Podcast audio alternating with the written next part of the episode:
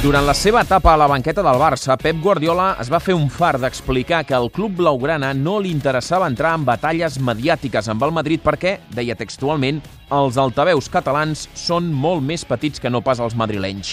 A Madrid aquest argument no el van acabar d'entendre mai i s'excusaven comparant Marca i As amb Esport i Mundo Deportivo, però és una comparació trampa i avui hem tornat a tenir un exemple del que volia dir Guardiola.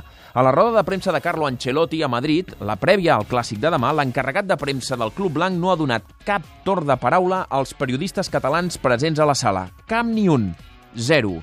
Ni Catalunya Ràdio, ni TV3, ni RAC1, ni El Periódico o El Mundo Deportivo no han pogut preguntar a Carlo Ancelotti. Sí que ho han fet una pila de mitjans madrilenys, un de francès, un colombià, un suec i un parell d'anglesos. A Barcelona, pràcticament a la mateixa hora, han preguntat als mitjans catalans i als espanyols sense distinció. Encara més, no m'imagino l'embolic que generaria si, igual que ha fet el Madrid, el Barça batés les preguntes dels mitjans amb seu a Madrid. Les crítiques serien furibundes, i amb raó.